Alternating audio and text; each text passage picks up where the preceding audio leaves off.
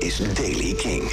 Vandaag zijn de wolkenvelden, af en toe ook wat zon en het blijft droog. De meeste zon is in het zuidwesten, wordt zo'n 20 graden langs de kust en 24 in Zeeuws-Vlaanderen. Nieuws over Metallica en nieuwe muziek van de 1975. Dit is de Daily King van vrijdag 8 juli. Michiel Veenstra. En nog steeds gaat het over het grote succes van Master of Puppets van Metallica dankzij Stranger Things. De band postte op hun TikTok-account uh, van de week een post met de tekst Heard any cool songs lately? Met een uh, live opname van Master of Puppets en daarbij ook de hashtag uh, Master of Puppets, maar ook hashtag Stranger Things en hashtag Eddie Munson.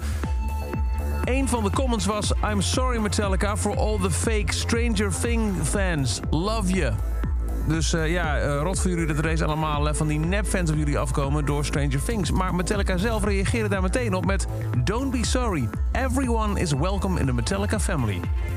If they like puppets, chances are they'll find plenty of other songs to get into. For your information, everyone is welcome in the Metallica family. Whether you've been a fan for 40 hours or 40 years, we all share a bond through music. All of you started at ground zero at one point in time. Zo, nog vragen? De 1975 is eindelijk terug. Gisteren wisten we al dat in oktober een nieuwe album komt, Being Funny in a Foreign Language. En nu is er dan de nieuwe single, die is ingetogen. Een beetje Bon, bon Iver-achtig misschien zelfs wel. Luister naar Part of the Band. Oh yeah. Enough about me now. You gotta talk about the people, baby.